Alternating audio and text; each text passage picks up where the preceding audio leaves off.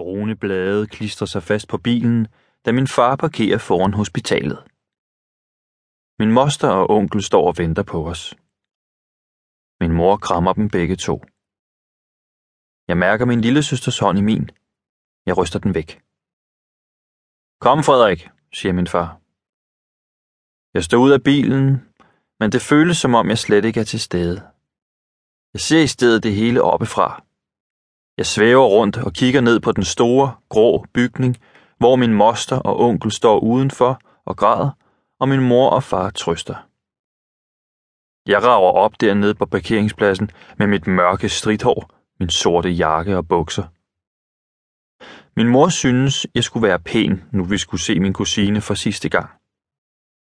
Mine slitte Nike passer ikke til mit tøj, men det var de sko, jeg havde lyst til at tage på. Jeg mærker igen min lille søsters varme hånd. Jeg kan også mærke, at hun ryster. Det irriterer mig. Jeg behøver ikke engang at kigge på hende. Jeg ved, at hun står og glor op på mig. Spørgende med vand i øjnene. Jeg gider ikke holde dig i hånden nu, Luna, siger jeg. Men hvad skal hun nu, Frederik? visker hun. Dø, siger jeg tonløst, og følger efter familien ind på hospitalet. Min kusine hedder Liv. Hun ligger i koma. Lægerne siger, at hun ikke vil vågne igen. Det er bare et spørgsmål om tid.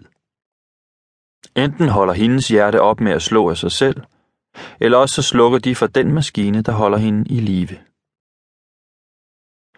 Liv gik i min parallelklasse.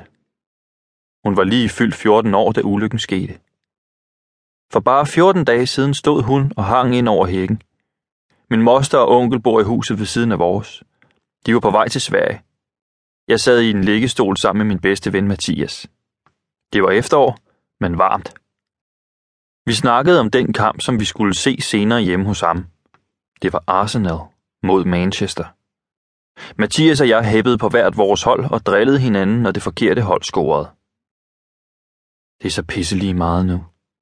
Det betyder ikke en skid, hvem som vinder. Liv stod der og vinkede, og Mathias var blevet kanonrød i hovedet. Han var vild med hende, og det var der sådan set ikke noget at sige til. Udover at Liv var charmerende og snakkede som et vandfald, så havde hun også det der lange, røde, krøllede hår og meget blå øjne, der kunne få Mathias til at blive helt forfjamsket, når hun kiggede på ham. Pas nu på, at I ikke bliver alt for lækre, drenge, råbte hun og smuttede gennem hullet i hækken og kom ind til os i haven.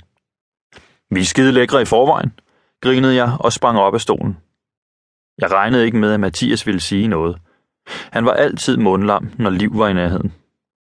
Jeg spændte min overkrop så godt jeg kunne, og Liv chattede til mig og fnisede. Jeg plejede at træne muskelgrupper med Mathias fire gange om ugen. Målet var en god sixpack til sommer, når vi fyldte 15. Det burde kunne lade sig gøre, hvis vi trænede hårdt. Nu er jeg ligeglad. Mine muskler gider ikke mere. Jeg er slap og træt.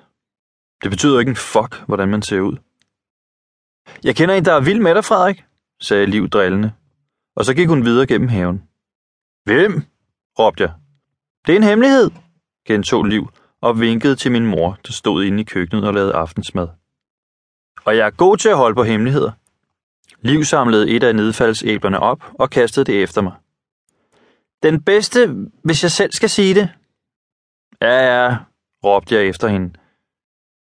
Jeg satte mig ned igen, glattede mit hår ned i panden og lukkede øjnene op mod de sidste stråler.